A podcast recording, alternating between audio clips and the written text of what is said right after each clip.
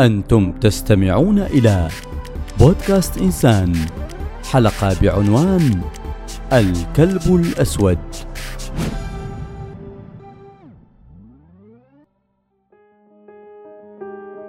اسمي الزهراء محمد.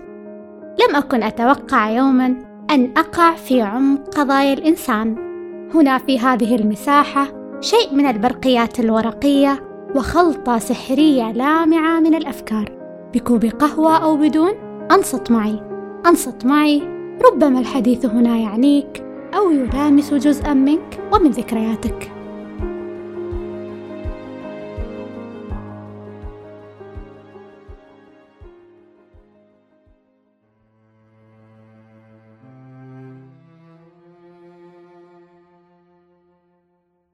في إحدى الليالي التي يشعر فيها المرء أن كل شيء يبدو ثقيلا عليه حتى رموش عينيه. إن الأمر أشبه بأن يكون المرء محبوسا في رأسه. يأتي الصباح ثقيلا جدا. لم أكن أستطع أن أنتشل نفسي من على السرير إلا بجهد هائل. أنظر إلى نفسي في المرآة. الهالات السوداء تكورت تحت عيناي. وزني ينقص تدريجيا. أقف عاجزا. ثم أحاول أن أستشعر الحياة من جديد. أفتح النافذة وأرى أنها لا تناسب لي شيء سوى القفز منها. لم أعد قادرا على الاستمتاع بتناول فطوري. أفقدني ما أشعر به من حزن وثقل قدرتي على العطاء. فبدأت أتغيب كثيرا عن العمل. ما عادت عناوين الجرائد تشدني كالسابق. منطوي منزوي على نفسي. مؤخرا وصلني بريد إلكتروني به تهديد عريض بطردي من العمل. تركت ممارسة الرياضة. أقضي معظم يومي مستلقيا على الأريكة. أحدق في الفراغ. أشعر أن قواي تسربت مني. وتسللني ضعف خفي. يجعلني أشعر بالبكاء بدون سبب ظاهر مقنع. مرة أسقطت علبة السكر على الأرض فتناثرت حباته في كل مكان فانفجرت باكيا. كل الأشياء مهما بدت عادية وبسيطة كانت تبكيني. أشعر بالعجز الشديد تجاه كل شيء. بدأت تراودني أفكار متكررة عن الموت وتدمير الذات. أشعر أني أغرق على اليابسة. هكذا سرد خالد شعوره للطبيب النفسي.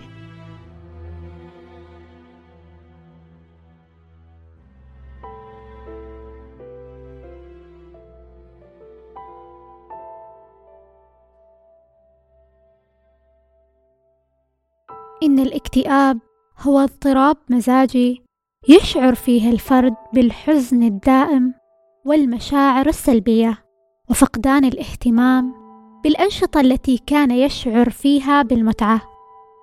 إنه ليس ذلك الحزن الذي يصيبك بعد فشل أو إحباط، إنه حزن عميق مستمر رافقك طوال أسبوعين كاملين دون أن يتركك. تراه في كل مكان. تنظر إلى الأعلى فتراه ككومة سوداء تنسل لتلفك فتشعر بالخذلان أو ذلك الشعور الذي يخبرك أنه لا طائل من الحياة. تجلس على الطاولة فيباغتك ويمنعك من أكل وجبتك المفضلة. تقف لعدة دقائق في المتجر تنتظر دورك كي تحاسب عن الحذاء الذي اخترته فتشعر بالتعب. تصعد إلى السيارة محاولا الهرب من هذا الشعور.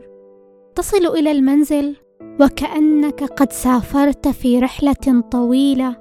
شيء ما لا يشبه الذهاب إلى متجر قريب جدا. وهذا الشعور يستمر ويستمر لأيام أخرى.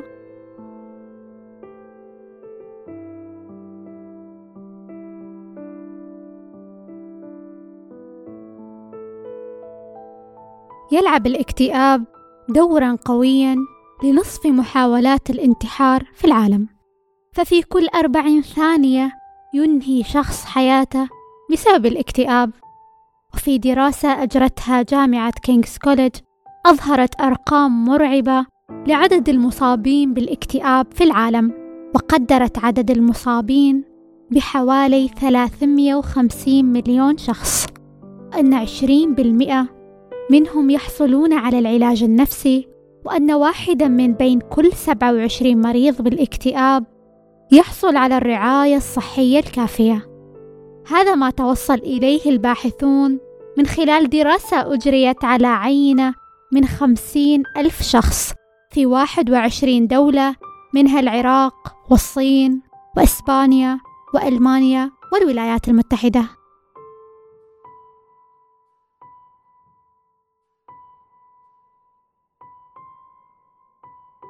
خسارة الوظيفة أو الانفصال عن شريك الحياة وجلد الذات والكثير من التجارب المؤلمة التي تنقلنا إلى حزن عميق قد ينحدر بنا إلى الاكتئاب.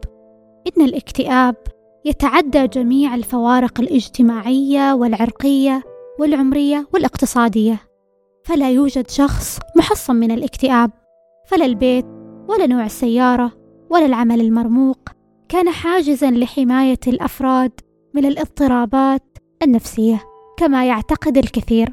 مهما زادت وسائل الرفاهية وتوفرت بعض المتطلبات الحياتية ربما يفتقر الفرد إلى الدعم النفسي أو إلى علاقة ثابتة في حياته ربما الجلوس طويلا في غرف عزل المستشفى وإصابة الفرد بالأمراض المزمنة كالقلب والزهايمر والإيدز والكثير من الأمراض التي تجعل المرء يعتصر الما ويمر الوقت والساعات والألم مستمر معه. وربما العوامل الوراثية والاقتصادية وفقد شخص عزيز وقد يكون بسبب التوتر الحاد وغيرها من المشكلات والعوامل التي يولد من رحمها الاكتئاب.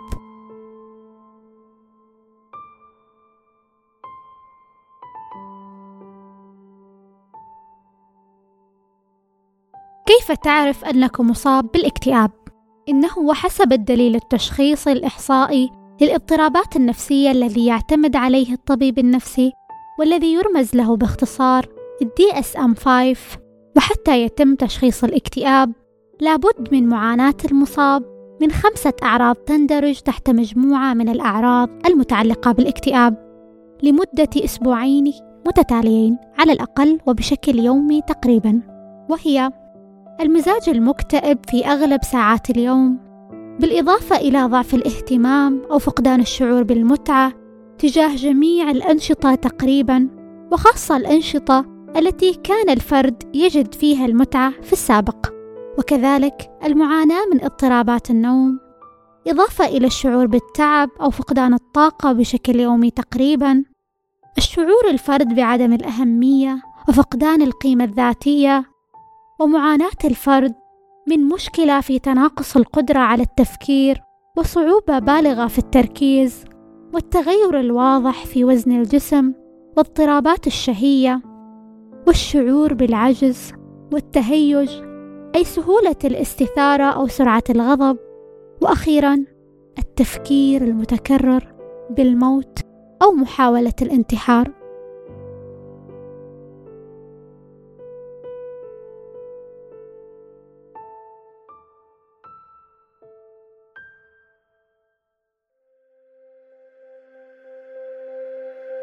Azizi Theo.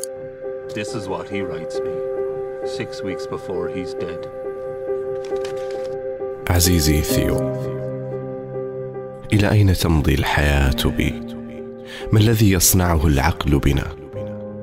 إنه يفقد الأشياء بهجتها ويقودنا نحو الكآبة إنني أتعفن مللا لولا ريشتي وألواني هذه أعيد بها خلق الأشياء من جديد كل الأشياء تغدو باردة وباهتة بعدما يطأها الزمن. ماذا أصنع؟ أريد أن أبتكر خطوطا والوانا جديدة غير تلك التي يتعثر بصرنا بها كل يوم. كل شيء حلم هباء أحلام وريشة التراب تخدعنا في كل حين. قريبا سأعيد أمانة التراب وأطلق العصفور من صدري نحو بلاد الشمس. آه أيتها السنون سأفتح لك القفص بهذا المسدس. القرمزي يسيل دم أم نار؟ غليوني يشتعل الأسود والأبيض يلونان الحياة بالرمادي. للرمادي احتمالات لا تنتهي. رمادي أحمر رمادي أزرق رمادي أخضر. التبغ يحترق والحياة تنسلب للرماد طعم مر بالعادة نالفه ثم ندمنه كالحياة تماما. كلما تقدم العمر بنا غدونا أكثر تعلقا بها. لأجل ذلك أغادرها وأنا في أوج اشتعالي. ولكن لماذا؟ إنه الاخفاق مره أخرى. لن ينتهي البؤس أبدا. وداعا يا ثيو سأغادر نحو الربيع. سأغادر نحو الربيع.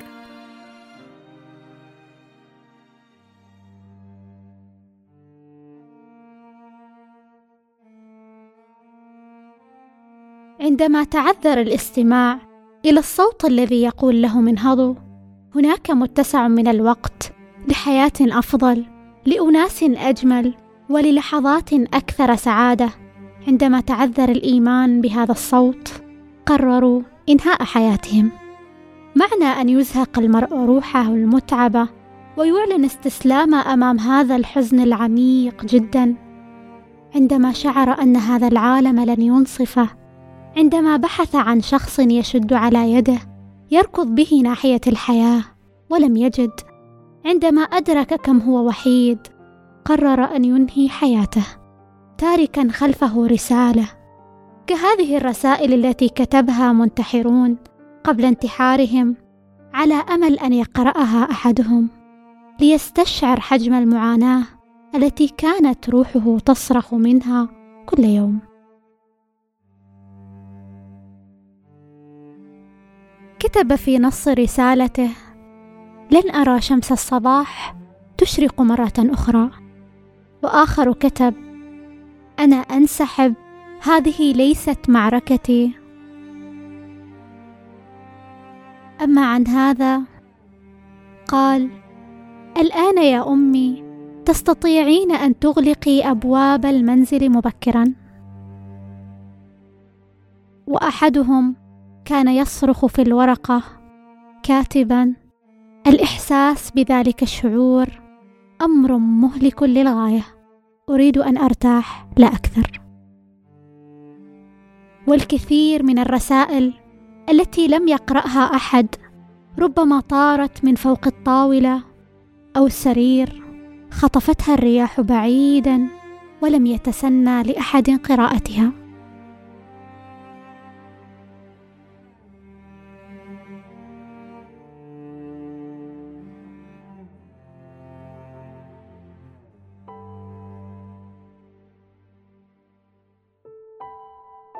وصف وينستون تشرشل السياسي البريطاني الاكتئاب بالكلب الأسود وكان يصف أن هذا الكلب معه في غرفة يقف أمام الباب فلا يستطيع أن يشعر بالراحة في الغرفة ولا يستطيع الخروج منها.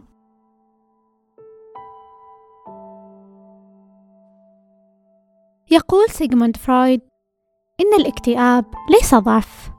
بل إشارة إلى محاولتك أن تكون قويا لفترة طويلة.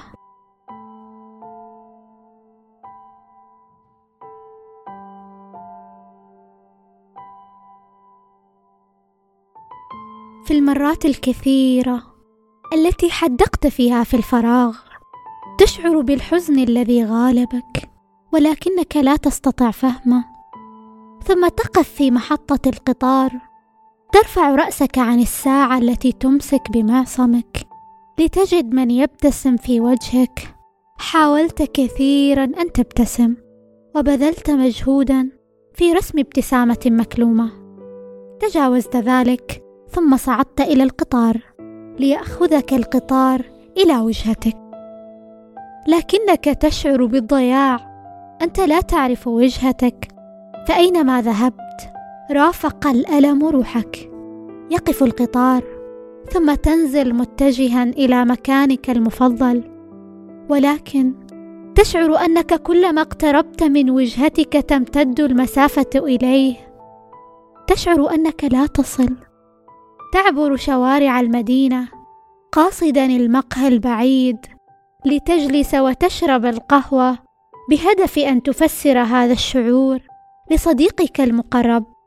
ينظر صديقك في وجهك متجاهلا كل شيء ليسألك عما إذا كنت بخير. تسترسل في الحديث لا تعرف من أين تمسك بخيط الألم الذي صار عقدة يصعب فكها. ينصت صديقك لحديثك تشعر بارتياح أن بعض الحمل الذي رافقك في سفرك ساعدك في إزاحته من فوق رأسك شخص آخر. لكن دوما عليك أن تحيط نفسك بالأسرة. الأصدقاء كلما غالبتك أحزانك فرغ اكتب ارسم. كن مع من تشعر أن بينك وبينه مساحة أمان. لا تتجاهل مشكلتك وألمك. ربما لا يلاحظ أحد كمية التعب الذي يسكنك والدخان الذي يتصاعد منك لا يمكن رؤيته أو تتبعه لكنك تحترق تشعر بالإجهاد وانعدام الرفاهية وتفقد طعم اللذة للأشياء التي طالما أحببتها. إن الانهيارات الصغيرة التي تجاهلتها ترسبت في أعماقك كلما كبت الألم. أعطيته فرصة بناء عش آخر فيك وفي روحك.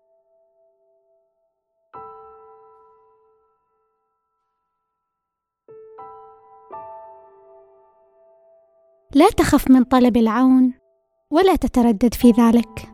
كل هذا التأخير في طلب إطفاء الحريق بداخلك هو مجال لنشوب نار أخرى. استعن بالمختص النفسي لمساعدتك على إزاحة هذا الحزن الثقيل ومرافقتك بتفهم ووعي في سبيل معاناتك حتى تصل إليك.